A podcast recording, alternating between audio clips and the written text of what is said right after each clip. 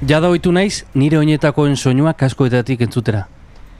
Herri hontako edo hartako auzoko plazako lurraren kontra. Gaur, berrogeita bederatzi garren etxera sartuko ditugu mikrofonoak. Astero egin ohi dugun legez. Berrogeita bederatzi harrapazank. Eta tal honekin emango diogu amaiera 2000 eta hogeita bateko sasoiari. Baina lasai, datorren urtean berriz helduko baitigu podcastari. Eta berriz hasiko gara, besteren etxeetan sartzen. Bitartean arpidetu, oraindik ez baduzu egin. Edo gomendatu barruan gaude, estimatzen duzun lagun bati. Hori baitugu edatzeko modu bakarra. Non geunden? Abai, plaza batean oinaz. Mosku plazan, irunen, zehatza izateko. Argazki kazetari batekin daukagu zita gaur. Bizarra luze luzea du, Fidel Castrok nola. Eta normalean soinean kamera zintzilik ikusiko duzu. Zinemaldian, prentxaurreko edo manifa batean, edo errealaren partida kubritzen. Iu fanda laranjakin. Ezagutzeko, eh, bazpare. Claro. Kolore pixkat emateko. Oide. Ondo. Unon. Ondo, metxe. E, gero arte. Aparkatzea lortu ditu. eta bitxera, Bai. goxo goxo eta... Erki. Bai. Justu goraka biden, eh, oza, buelta mandiat eta ikusi eh, plazan eh, Ah, bai, bai, bai. jende desente da, hola. Bai, atzo jende xente etorrita eta... Bai. Bueno, eguneroko plana. Ja.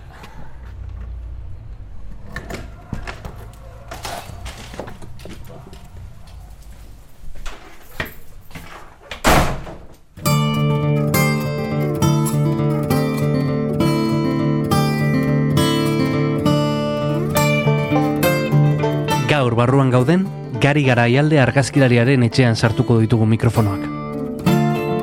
Karo, enkuadre bat baldin bada argazkia, enkuadre barruan dagona garrantzitsua da, baina enkuadren kanpoan dagona ere garrantzitsua da. Kontatzen duenak beti du boterea. Zeberak erabakizu zer kontatuko eta zer ez. Bai irudi bidez kontatzen dugunean, edo bai hitzen bidez kontatzen dugunean, eh? Ni betzen dut, kontatzea da erabat e, e, subjetiboa. E, ze nik erabakizut zer kontatuko dizudan. Gertatu den hortatik, nik zerbait ere emango dut garrantzia eta nik hori kontatuko dizut. Eta beste ez dizut kontatuko. Ez dizut kontatuko ja ez gaiztakeriz, baina ez dizut kontatuko ez zaidalako garrantzitsua iruditzen.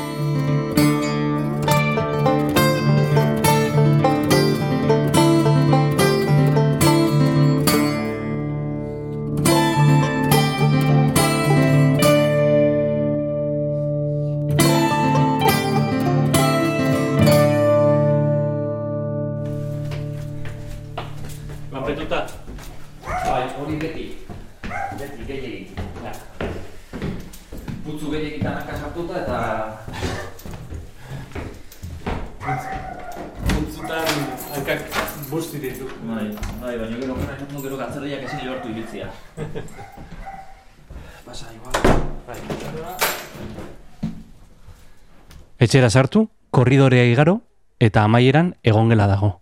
Tximinia piztuta, elkarrezketa goxatzeko. Bertan jarriko ditugu mikrofonoak. Kafe bat oso bain duk? Bai, hartuko dit. Bai. Eh, kafe generatoitak.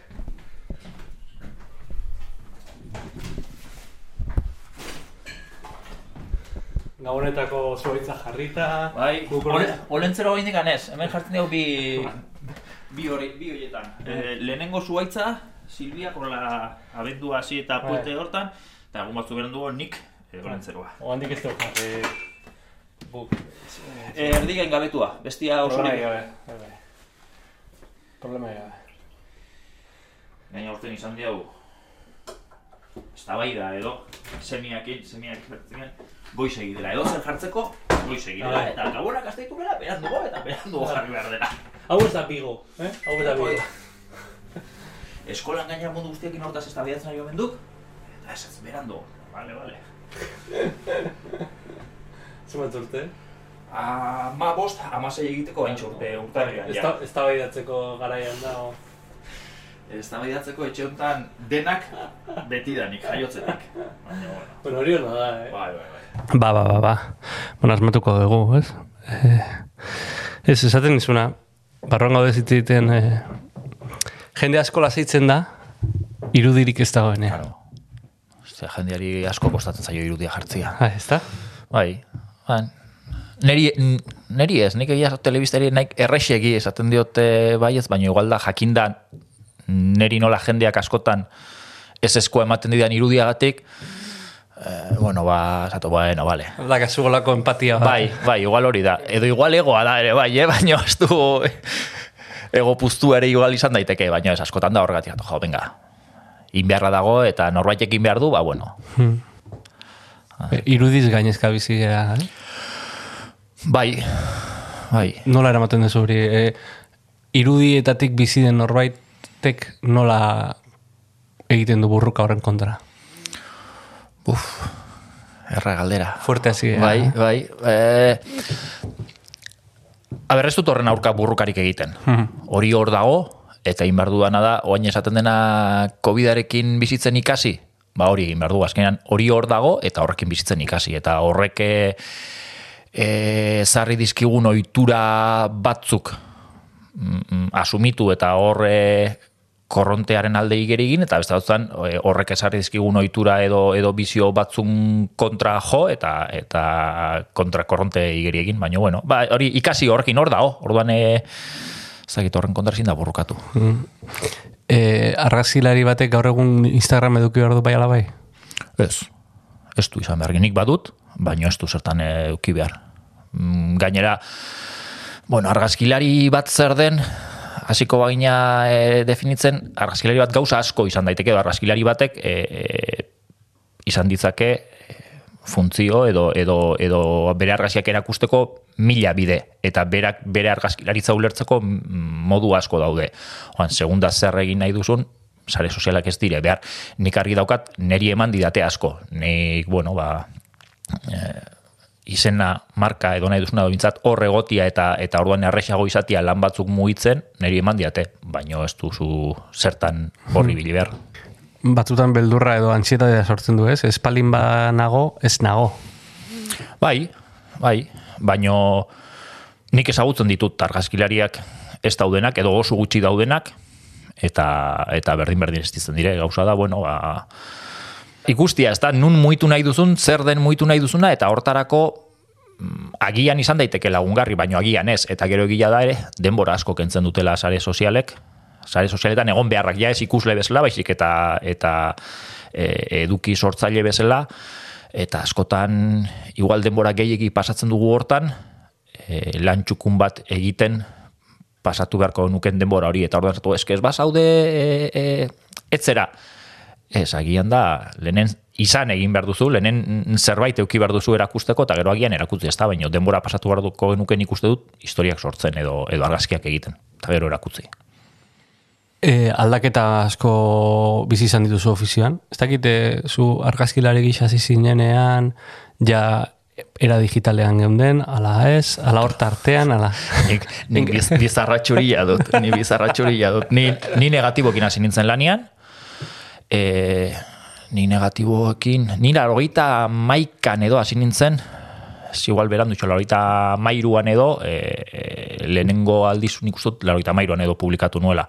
Orduan, or, e, dena egiten genuen negatiboan, orduan e, digitala etzen, etzen existitzen, ez existitzen zen, oso urruti ikusten genuen zerbait bazegon, e, e, kodak bat bazegon kamera digital bat, baino, baino pentsa ezina zen e, guk eukiko genula, eta momentuetan gainera eguneroko prensarako aukera egongo, digitalian lan egiteko aukera egongo zenik ere etzen ikusten. Eta, eta gero bai, gero urte batzu beran dugu etorri zen aldaketa, e, bertan harrapatu nindun, ni lanian harrapatu nindun movida guztiak, lehenen, lehenen internetak, esan behar dugu, e, argazki digitalak baino lehen, argazkiak ne- negatiboan egin, argazki horiek digitalizatu eta internet bidez bidaltzen hasi ginen. Eta gero ja bai, argazkiak zuzenean digitalian atetzen. Nik sumatu nuena nire lanian, zen ni momentu hortan e, egunkarian lanian nahi nintzen, oza, eguneroko pensan nahi nintzen lanian, eta nahi suposatu ziana da, lehenengo gauza, e, ekipo guztia, bueno, ekipo guztia, kamarak aldatzia. Eta momentu hortan oso garestiak ziren kamera batzuk e, erosi behar izatea, hori alde batik. Baino gero bai etorri zen, eta hori bai sumatu asko, zen lan egiteko moduan. E, garai batian, negatiboekin lan egiten gendunean, e, egunkarirako bintzat, errebelatzen genuen e, donostian zaun argazki denda batean. E, Gipuzkoko edo donostiko argazkilariek. Argazki denda batean. Beraz, argazki dendak sortzitan izten zuen, e, ez hori, ez argazki dendak bakarrik, e, egunkariak ere bere ordutegia sokan, orduan, arratzaldeko zazpilak, zazpiterdiak baino berandugo ziren lanak, urrengo, osea, ez ziren urrengo eguneko egunkarian publikatzen, urrengo egunia entregatzen genitun, hortik beguntara publikatzeko. Beraz, guk egiten genuen lana, askoz lehenago bukatzen zen, gainera donostiko argazkilari askok argazki denda berean rebelatzen genuen, eta hor bagendun olako klub antzeko bat, elkartzen ginena kafi hartzera denak elkarrekin, eta ze lan bat bukatu eta dena joaten ginen rebelatzera, eta, eta lan agian berandugo bukatu bai, ze gero esan duen mesela digitalizatzera joaten ginen eta guzti hori, baino, baino digitalek ekarri zuen, lehenengo gauza argazkiak atetzeko tarte hori lusatu egin zen, lusatu egin zen, askoz gehiago. Ze, ze argazkiak atera eta erresago bialtzen genitun hasieran era arazoak zuden bialtzeko, etzen gaur egun bezala mugikorretik eta baino egin genezaken gabeko amartan zegon e, lan bat, edo, edo sortzitertako prentza horreko bat, inolako arazori gabe urrengo egunean argitaratu ziteken. Eta orduan ekarri zuen, tempo aldaketa hori. Eta gero, bueno, ba, ba, nik ere lehen eh, edo lagunekin argazki den da hortan, edo urte batzuk lehenago eh, laborategian eh, revelatzen pasatzen nuen tarte hori, eta niretzako laborategia nik beti aipatzen dut gauza bera, niretzako laborategia eh, lasaitzen ninduen tarte batzen.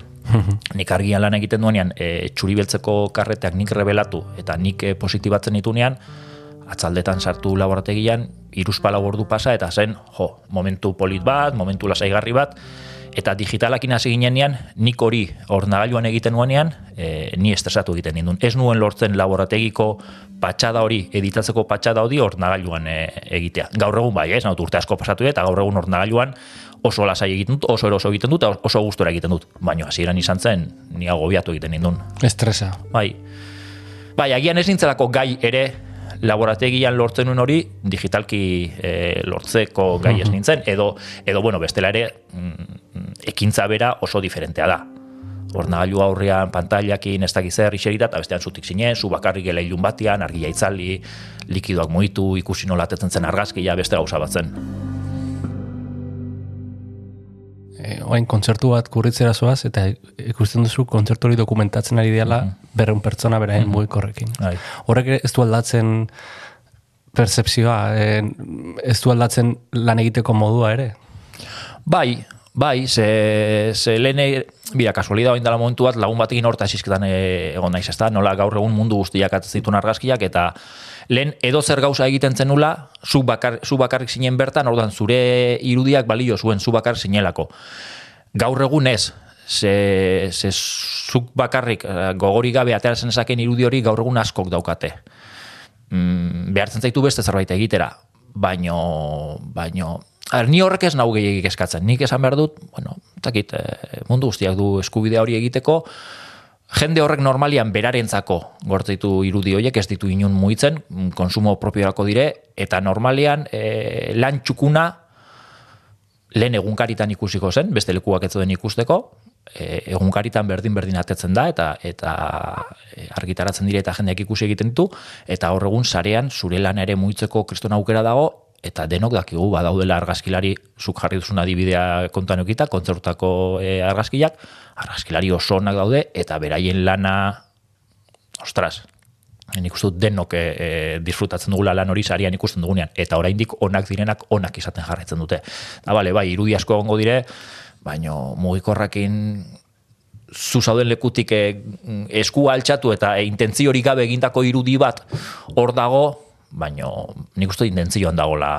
Ni hor gehiago eskatzen hau beste aldiak, eta ez da argazkilare aldetik, da ikusle aldetik, ez da ze, ze behar daukagun denok e, guazen tokira joan da ere e, ikusten ari geran hori jasotzeko, iruditan jasotzeko, ezertarako ere, gero ez dugu ezer egingo horrekin, ez da? Orduan, denbora pasatu berrian, disfrutatzen leku hortaz, leku hortaz, kontzertu hortaz, e, jarduera hortaz, sentsazio horietaz, ze behar sortu zaigun derrepente, denoi, eh? Ni barruan sartzen naiz nago esaten zue gaizkita ni ondo, baino ze behar sartu zaigun denei guzti hori e, beti e, dok, dokumentatu esan behar nuen, baino ez dakit dokumentatu egiten dugun azkenean. Egiten dugu besterik gabe jaso, jasotzen den guztia izan deteke dokumentatu, ez da?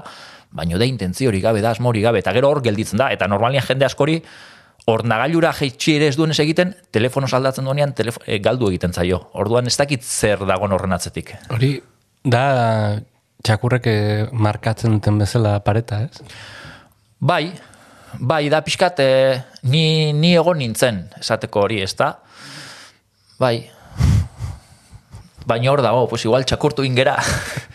hor, e, irazokik badu kanta bat gizona txakur egintzen, ba igual hori gertatu zaigu guztioi.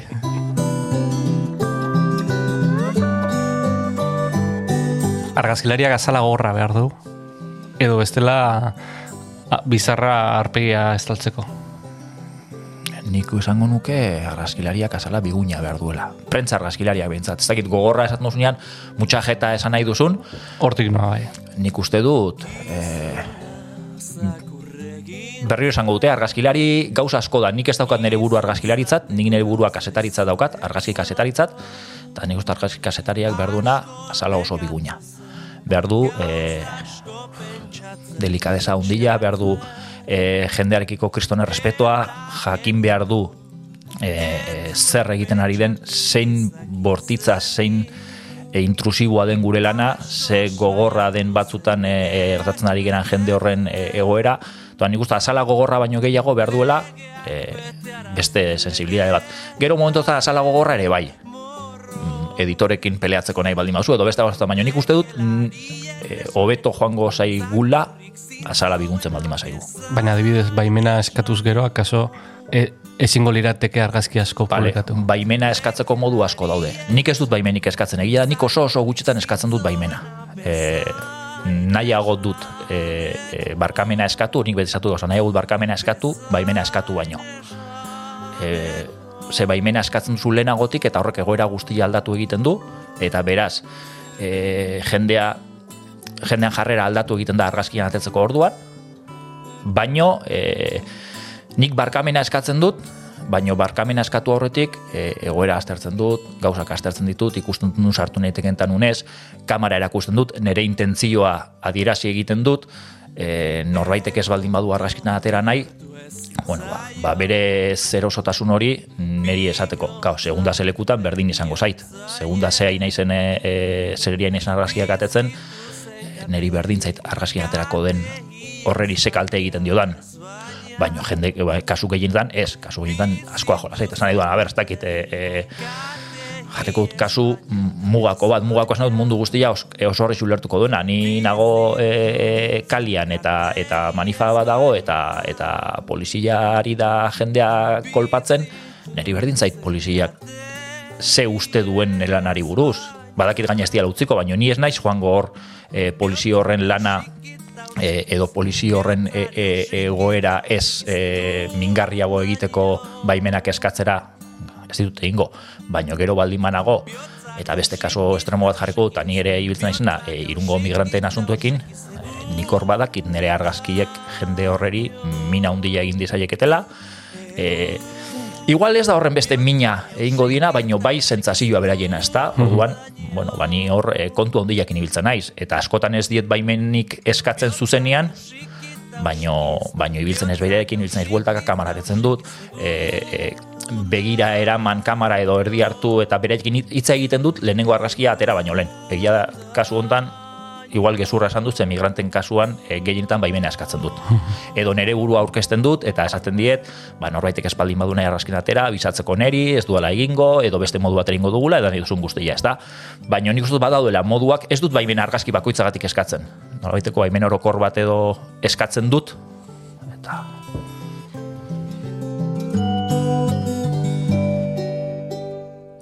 Noiz txunditu zintuen leio txiki horrek?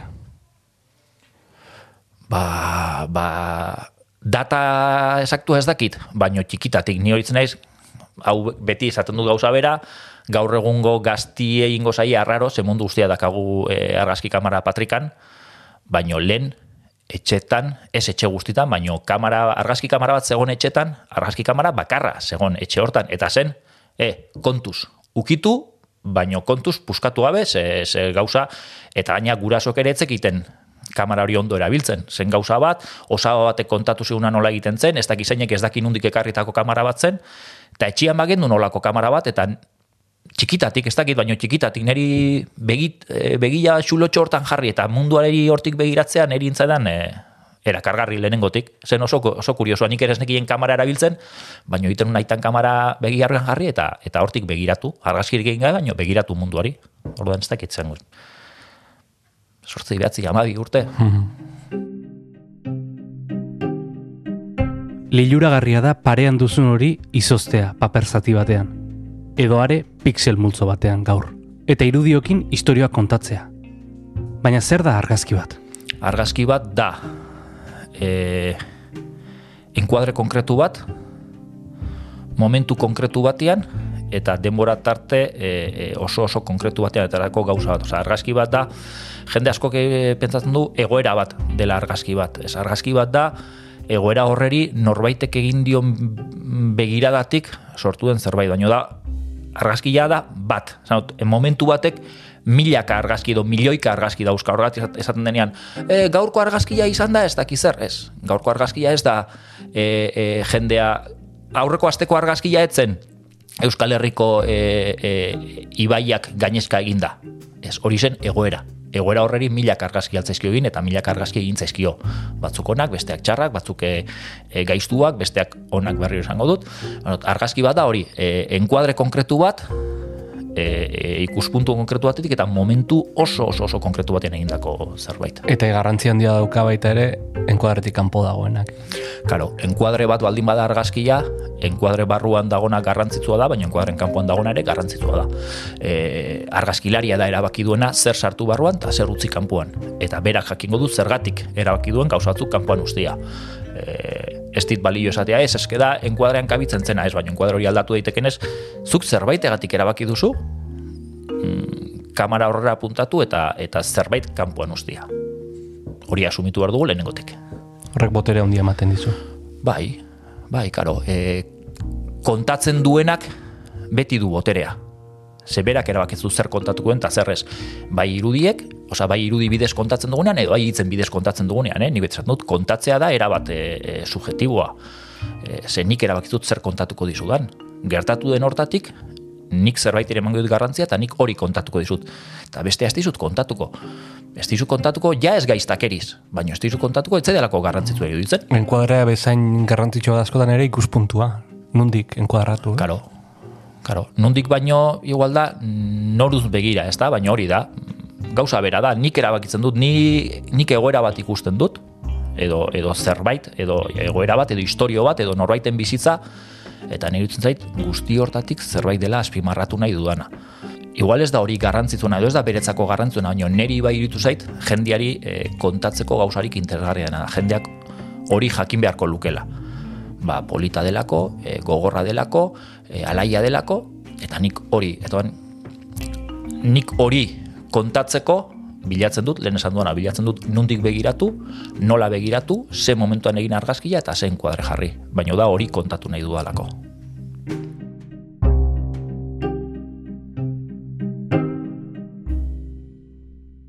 Ikuspuntua aipatuta, askotan adibidez, ez? Periodikoetan ikusten dugu manifestazioak ikusten ditugu poliziaren ikuspuntutik, Mhm. eta manifetako jendea, manifa, manifestazioko jendea, ematen du guri harrikari. Claro.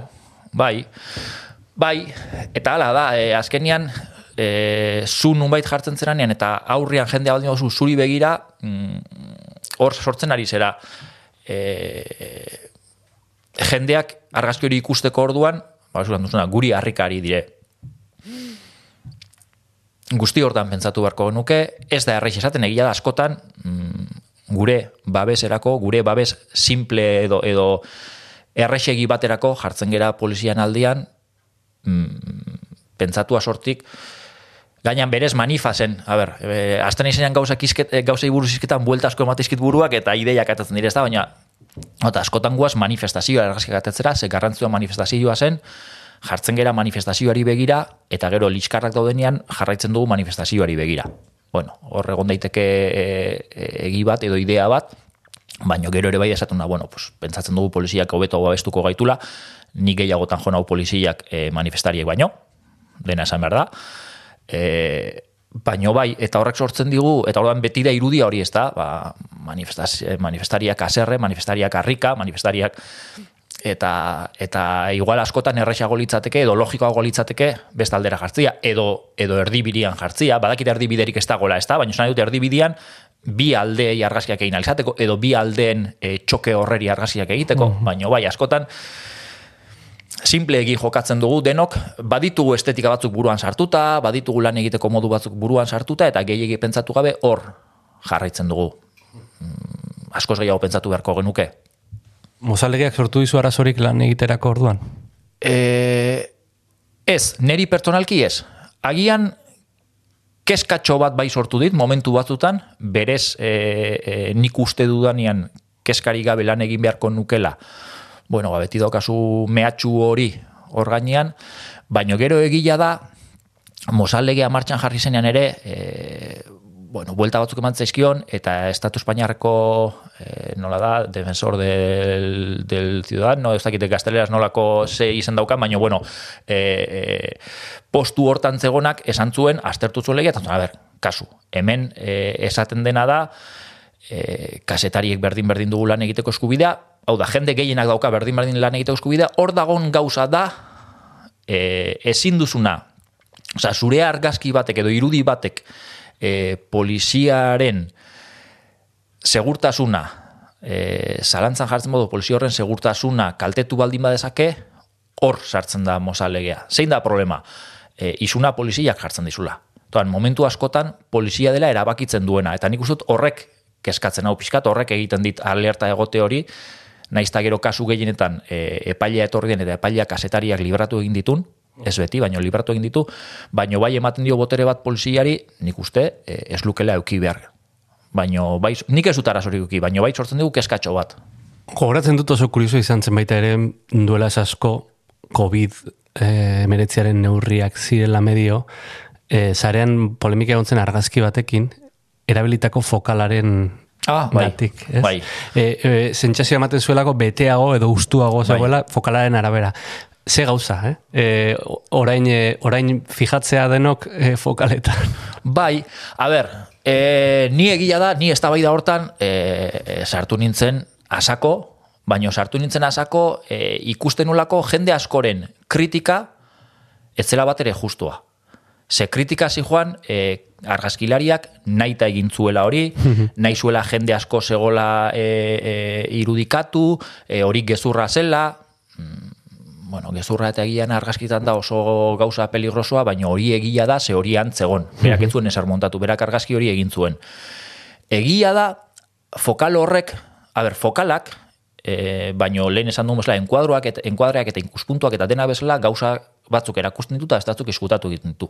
Fokalak zenbat tele luzeago erabili, e, e, sakontasuna mm, zapaldu egiten du, eta eta eman dezake jende gehiago dagola, bere zainbeste jende ez dagon toki batean.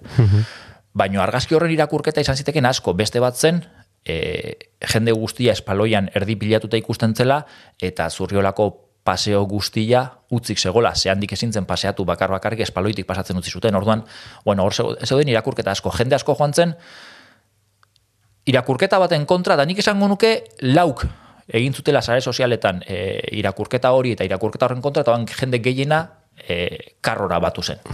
Nik ala esango duten, etzako gehienak gero etorri ziren, alo fazil. Baino, e, a ber, neri argazki ez zedan gustatu. Nik lehenengotik esango dut. Neri, eta gaina orduan esan nuen, neri zen e, nasgarria argazkia. Eta nasgarria den momentutan, den momentutik e, kontu ikibarko genuke eta eta nik uste ez genukela argazki horiek e, e, publikatu beharko. Ze gertatu daiteke hor gertatu dena.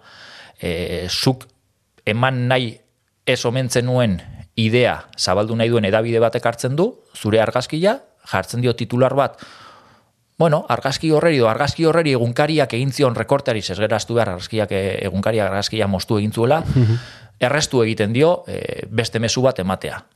Baina, karo, e, argazkilari horrek ere agentzi baterako egiten du lana, horrek ere usten du mai gainean zein den gure egoera e, e, lan baldintzen eta egoera. Agentzi baterako egiten du lana, agentzi horrek nahi eta nahi publikatu behar du, gaina mundu guztia gaur egun gaude zintzilik gure lanetan, Bai. eta ez baldin badugu saltzen, e, e, kalian geldituko gera, orduan, zuk eskaini behar duzu, zoritxarrez, bueno, pues abaniko bat.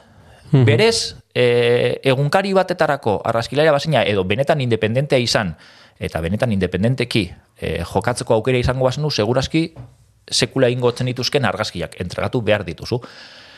E, bueno, ba, enplegatuak geralako, men sartu nahi beste gatazka handi batea, baina egiten du, enplegu bat daukagu ez da lana bere horretan eta gure ikuspuntua, edo ez gera kasetari independenteak, ze ezin gera izan, oza, enplegatuak gera. Bai. Egunkari batekoa, Lo- agentzi batekoa. eh? Bai, eta ban, enplegatzaile horrek eskatzen digunari askotan gehiago gutxi egin behar diogu men.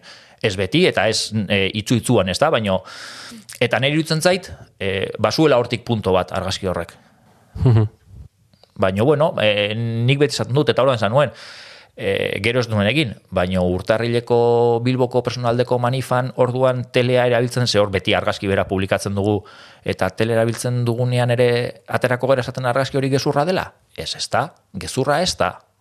Eta gero gaine jendeak ematen zitun konparatzeko e, Google Mapsetik kriston angularrakin ateratako argazkiak, eta zei, itxu, zei e, e, itxura diferentea daukan kale honek. Ja, ja, baina eske zuaizera hiperangular bat erabiltzen, eta hori ez dago gaizki, hori ez da trampa, zein da egila eta zein da gezurra. E, ez dakit. Berez, ikasi barko nukena denak, eta hori bai falta zaigu, falta zaigu kultura bisuala handia, ze hasieran hasi gera esaten argazki singuratu irudi singuratu Bai. bizi gerala, baina jendeak ez daki argazki horiek irakurtzen. Orokorrean. Beraz, olako argazki bat ikusi eta lehenengo gauza jende gehiena pentsatu, ai, babira zenbat jende. Eta gero norbaitek esaten dinan, ez, gezurra da, etzagun horren beste jende, ai, gezurra esan duzu, ze. Oan, ez gera gai irakurtzeko, eta bueno, ostras, e, nun dauden autobus paradak, hau tele batekin aterata dago, bueno, itxura hau eman dezake, bueno, gero kritikatu dezaket, e, intentzio argazkilarian, eh? nik hori mm, Bai. modu batea beste irutzait denona, denok bezala, zerbait publikoan jartzen dugunean, Preste egon behar gara. Bai, bai, norbait ez bai gustatzen, preste egon behar gara hortako. Baino bere intentzionalidade, ni atera nintzen, argazkilariaren intentzioa e, jende guztiari trampa egitea zela esaten zutenen kontra batez ere. Horrek, eh, nik horrek, horrek mindu nindun.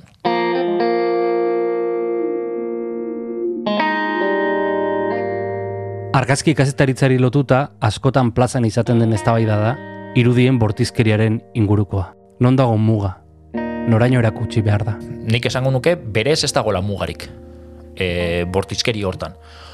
Muga dago gehiago e, noiz nola eta zer kontatu nahi dugun, zer den gertatu dena. Osea, berez e, egoera ez eroso eta egoera bortitz batetik ezin dugu irudi polit bat atera ez dago. Egoera bortitza da orduan e, bortizkeria kontatu behar baldin badugu, bortizkeri hori kontatu behar dela iruditzen baldin bazaigu, irudi bortitzak erabili behar ditugu. Ni ez nauke eskatzen e, gozaltzen ari zeranian e, igande batean tostadak eta mermeladak eta egunkaria ireki eta egunkari hortan e, egun guztirako tripa e, itzuliko dizun edo, edo e, gaizki jarriko dizun argazki bat publikatzeak ez nauke eskatzen. Keskatzen hauena da, e, ze arrazoi egon daiteken argazki horren atzean, ez da? Osa, zergatik, ze, zeintzen gertaera eta zergatik publikatu dugun e, argazki bortitz hori. Baina mundua bortitza baldin bado, munduan gauza bortitzak baldin badaude, e, jendeari muturrean hau hartza gauza bortitz horiekin. Nik hortan ez daukat inolako dudarik. Baina horrez dago mugarik morboarekin, esan nahi dut, e, gauza bat da bortizkeria erakustea, e, edo aur bat erakustea e, itota ondartzan, eta beste gauza bat da, e, ez, ba bueno, hortan rekreatzea periodiko gehiago saltzeko. Bai, hori da, baina orduan hor dago hori, ez da, ez da irudia, da irudi hori nola eta zergatik erabili dugun. Netzako hor da gorregatik nuen, ez nau horren beste eskatzen irudiaren irudia bortitza izateak, bai eta irudi horrekin zera bilera egiten dugun. E, nun publikatzen dugun, nola publikatzen dugun, e, ikusi beharko nuke ia morboa dagon e, kontalarian edo ikuslearen gan, ze hor ere badago, askotan morboa ikusten dugu leku batzutan, mm, guk ikusten dugu, osea gu ere gaude eh, hor azkenian e, e, joku handi badago, ez da joku oso badago e, kontatzen duena, kontatzen dena eta jasotzen duenen artean. Orduan e, gero egia da, badagola morboa ez dut kukatuko, badagola morborik kontalarietan ere, eh? Baino baino askotan e, morboa esaten dugu, ez denean morboa denean, ostras, nik erakutzen nahi dut, eta hor badago, ez nauk, e, ez nauk eskatzen bortizkeria horrek, eskatzen dago bortizkeria horren erabilerak. Ez dakit nola, muganetzako hor dago, eta ez da bat ere muga erresa esateko marra hemen dago. Baina nik uste dut, e, eta beti esaten dut pentsatu beharko genuke hortan eta pentsatu beharko genuke erabilera hortan eta ia zen momentuan nahi iruditzen argazki hori erakutsi behar duan edo ez eta eta uste baldin badut ez dela erakutsi behar nik ez dut argazki hori askatu behar nik askatzen baldin badut nik nunbait jartzen badut sare sozialetan nik argazki bortitz bat jartzen badut zerbait kontatzeko sare sozialetan edo egunkari batean eta gero norbaitek argazki hori hartu. Eta eta mundu guztian zehar zabaltzen baldin badu bale arek egin du gaizki. Baino nik argazki horreri bide eman diot nolabait orduan. Mm, ardura asko daude hor, denak asumitu hartu gure zatila, baino ni keskatzen hau erabilerak, ez, ez irudiak horren beste.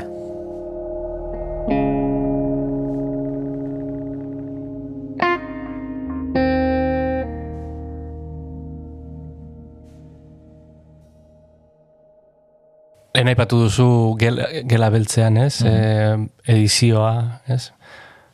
Orain ordenagailuan egiten da, Mhm. eta askotan asko editatzen da, ez? Non dago muga edizioarena?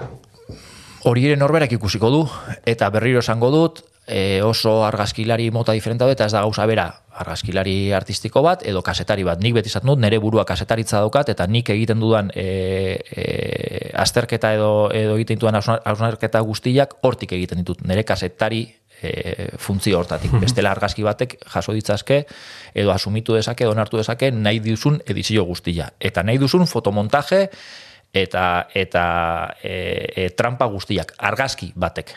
Gauza da argazki hori gero nola erakusten dugun zer kontatu nahi dugun jendeari argazki hortatik.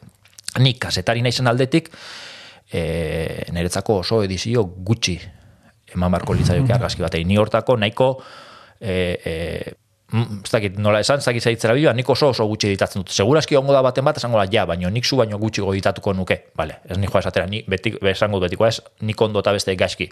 Baino neri ez zait gustatzen asko editatzea. Ez zait gustatzen asko editatzea, e, iruditzen zaidalako, alde batik, e, ikusleak konfiantza bat euki behar du, e, ikusleak jakin behar du erakusten nahi zen hori gertatu zen nahi zela, eta ban, e, oso oso gauza gutxi ukitzen dizkiot nik, e, bueno, ba, ba inolako dudarik eta ez sortzeko, eta ni eroso ibiltzen naiz, e, esparru baten barruan. Best, beste batzuk beste leku baten biliko die. Ni badakit ibiltzen eroso, eta nik argilak eta ilunak, e, e, gaina nahiko modu orokorrean, argilak eta ilunak e, ukitzen dizkiot, txuri beltzera pasatzen dut argazki, aia igual zonaka pixkat gehiago batzuk ilundu eta beste batzuk argitu ingo dizkiot, baina nik ez dut beste ezer egiten. Gero jendea badoka editatzearen kontrako hori bat, eta asumitu behar duguna da, edozein argazki ikusten dugunean, edozein editatu dagola. Ze, ze da e, informazio digital bat, irudira pasatzen denean, ornagailuak edo kamarak ja egiten dio e, ajuste automatiko batzuk, nik ajuste horiek inkluso kamarari aldizko taldu, beti dago editatua minimo bat. Eta, ez, horrek Photoshop badoka, Photoshop argazki guztia daukate. Definizioz. Hori da, Photoshop esaten dut, e, jendeak Bai. hola ditzen duelako, baina dizio bat beti dauka. Zenbat egin daiteke, ni oso, oso gutxi egitearen aldeko naiz. Hor utziko dut. Ni oso gutxi egiten aldeko. Non ari zara jartzen begia orain? Ni batez ere, orain, e, irungo, irundik, e, Osa, estatu espainiarrako eta estatu frantzaseko, frantzien arteko muga hori pasatu nahi duten e, etorkin edo migrante hoiengan. Irunera iritsi eta hemendik ezin pasa ibiltzen din hoiengan. Bueno, bain dela hiru urte herrian asaldu zitzaizkigun, edo bain dela hiru urte jarri gendun arreta beraiengan, eta nire iruditu zait e, kontatu beharreko gauza bat dela, hor gertatzen ari dena. Bagenera man denbora beste munduko beste leku askotan, beste muga askotan gertatzen direnak entzuten eta ikusten, eta hemen etxian bertan e, ikusi duanean arazo bera dugula, irutzet kontatu inberratzegola. Eta batez ere, momentu hortan, esango nuke hortan. Bi administrazioen arteko muga bat dago, eta eta jende batzuri, etzaile leku batetik bestera joaten usten. Netzako hor dago muga, netzako hor dago arazoa, e, estiegu, estiegu pasatzen usten. Guk estiegu pasatzen usten, beldurragatik, e, beldurragatik, beldur e, inoso eta zentzugabe batzungatik, baina problema hor dago, gizaki batzui ez diogu munduan zehar e, guk daukagun eskubide berekin ibiltzen usten. Gaur bertan jendea, jende mordoa zegoen plazan. Bai, egunero ez dakit zenbaki esatia ez da erresa, ze gero aldatu da, baina nik uste dut esaten baldin badugu egunero amar, amabos lagun berri daudela plazan, mm, ez ginateke urruti biliko. Badirudi ez, da, ez doala gurekin, ez? Ez, dago, osea, ez, da, ez da behar bezain beste hitz egiten kontuaz. Ez da erresa. Ez da erresa, badakit ez dela behar bezain beste hitz egiten, baina da guk askotan e, hemen hitz egin dugu nola, nola komunikatu gauzak, zer komunikatu zer ez, eta da, ja gaur egun ere, e, Mauritaniatik atera eta kaneretarako bidean e, patera bat ondoratzen da, hogeita bos lagun hiltzen direnak, eta eta edabideetan hiru lerro dauzka eta askotan argazkirik ere ez. Oan, horrek ez baldin badu gure harretarik e, e, erakartzen, nola erakarriko du e, ama urteko mutil bat kalian utzi dugula lotan, oza, lo egiteko tokirik gabe e, kalian bos grado egiten zitunean eta euria egiten aizenean aurreko estilaren gertatu den bueno, pues, pues ez du, ez digu harreta deitzen, nik uste dut egin daitekela eta egin behar dela, eh? ala ere kontatu egin bartugu, naiz ta jendeak harretarik ez jarri. Baina bai, hor dago, eta gaina ohitu egiten, gera, ja irurte dara. E, irunen badago jendia egunero pasa eta ja ez ditu ikusi ere egiten. Ja Hmm. bihurtu dire plazako mobiliario. Jendeak ez ditu ikusi ere egiten.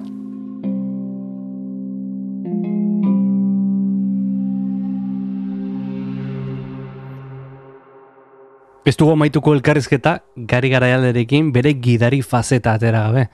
Sorotan bele taldeko furgoneta zuriko gidaria baitzen. Bueno, ni amaitzeko eskatu nahi nizuke sorotan belekin e, bukatzea, ez? E, musika pixka jartzea gaurko sola zaldiari mm, gidari ere izan zarelako. Bai, bai, bai, ni hasi nintzen, e, ni gaina hori beti esaten dut, ni ez nintzen argazkitan hasi sorotan belegatik, baino profesionale egiteko asko lagundu zidan. Alde batetik, nire lehenengo kamera erosteko soldatak, sorotan beleren e, furgoneta gidari izatetik e, lortu nituelako, Eta gero ere bai, bueno, ba, sorotan belen kontzertuara joan, sorotan belen kontzertutatik argazkiak egin, eta, eta argazki horiek muitzen hasi, eta ni hasi nintzenean egunkarian lanian adibidez, e, egunkarirako pasea eman zidatenek, kontzertutatik ezagutzen ninduten batez ere, orduan horrek eman zidan, eta lehen esan dut, lehenengo artikulua larogeita mairuan edo publikatu nula, lehenengo e, nire publikatu nuen lehenengo artikula izan zen argian, sordan beleri buruzko artikulo bat, hasi berriak zenean, larogeita mairu, larogeita malau izango zen, eta ensaiotan nik egindako argazki batzuk ziren. Beraz, bueno, pues, pues hori ere banaiz ni. ni edo hori banintzen ni, esan nahi dute e, nire larogeita mairu, larogeita malau, larogeita maust urteko e, andantza haietan, e, guzti hori dago. Nik nintzen, nik nuen furgoneta txuri bat. Gari furgoneta zuri badauka Gari furgoneta zuri badauka pila bat, ni hori zuen dikan etortzen izkit zartzela, ez da, bueno, ba, ba, Madridera ez ginen, gehiagi atera Euskal Herritik ere sortan belekin, baina Madridera joan ginenekoaz, edo, edo bikera joan ginen, edo, edo Euskal Herriko mila kontzertu, ez da, ez dakit, ba, ba, horitzen naiz, e, larrabetzun e, kontzertu bat egin hango gaztetxean eta eta laukato etorri ziren ze ba, segun beste kontzertu potente batan onduan eta sorotan bele esan zen, bueno, lasai, etorreko gera e, zu jarri beste data bat eta etorreko gera beste egun batian e, e, kontzertua e, txukun edo, edo jende gehiagoen aurrean eskaintzera eta eta hortik hilebete pare batera berriro bueltatu ginen, ez tolako mila, anekdota mila daude. Egile ginen e, ez dakit izango ziren, bost bart urte izango ziren, eta bost urtetan kontzertu asko, asko, asko, eta kilometro asko.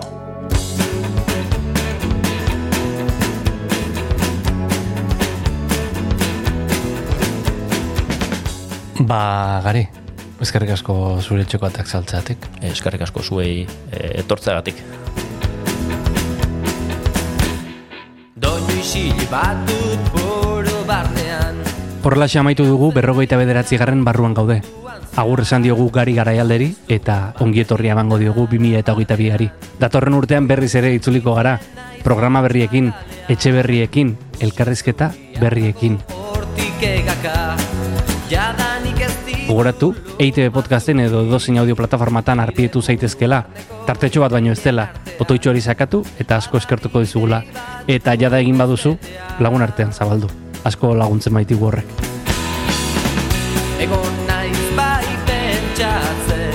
Gogoratu alaber Twitterren abildua barruan gaude kontuan topatuko gaituzula.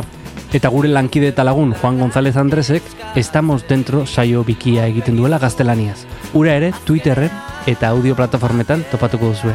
Besterik ez bezarkada bat eta hurrengo urtera arte.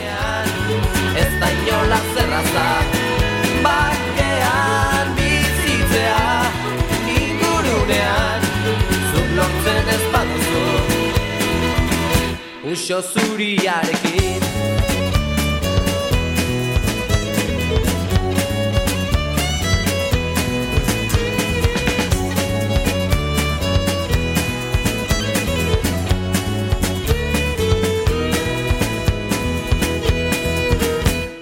Zeru grisean gaude gaur murgildurik. Zuaitzen ostoak gorriz jantzirik. Bake oi hartzun bat nik sentitzen dut. Baina su gorritan kiskali egin dut. Oiu baten muga zein den jakinik. Negar baten kezka sentitu barik. Bidean etzan da gelituko naiz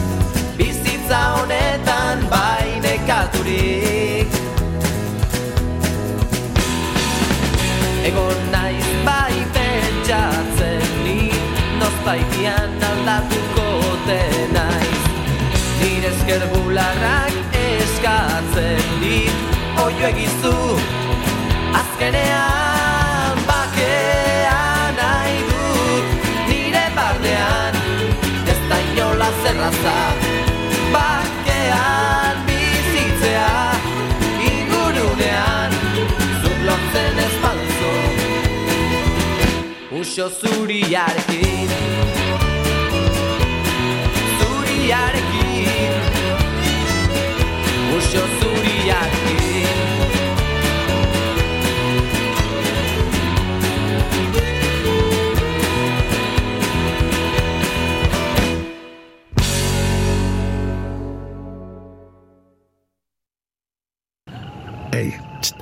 entzun hori. Ulu Media.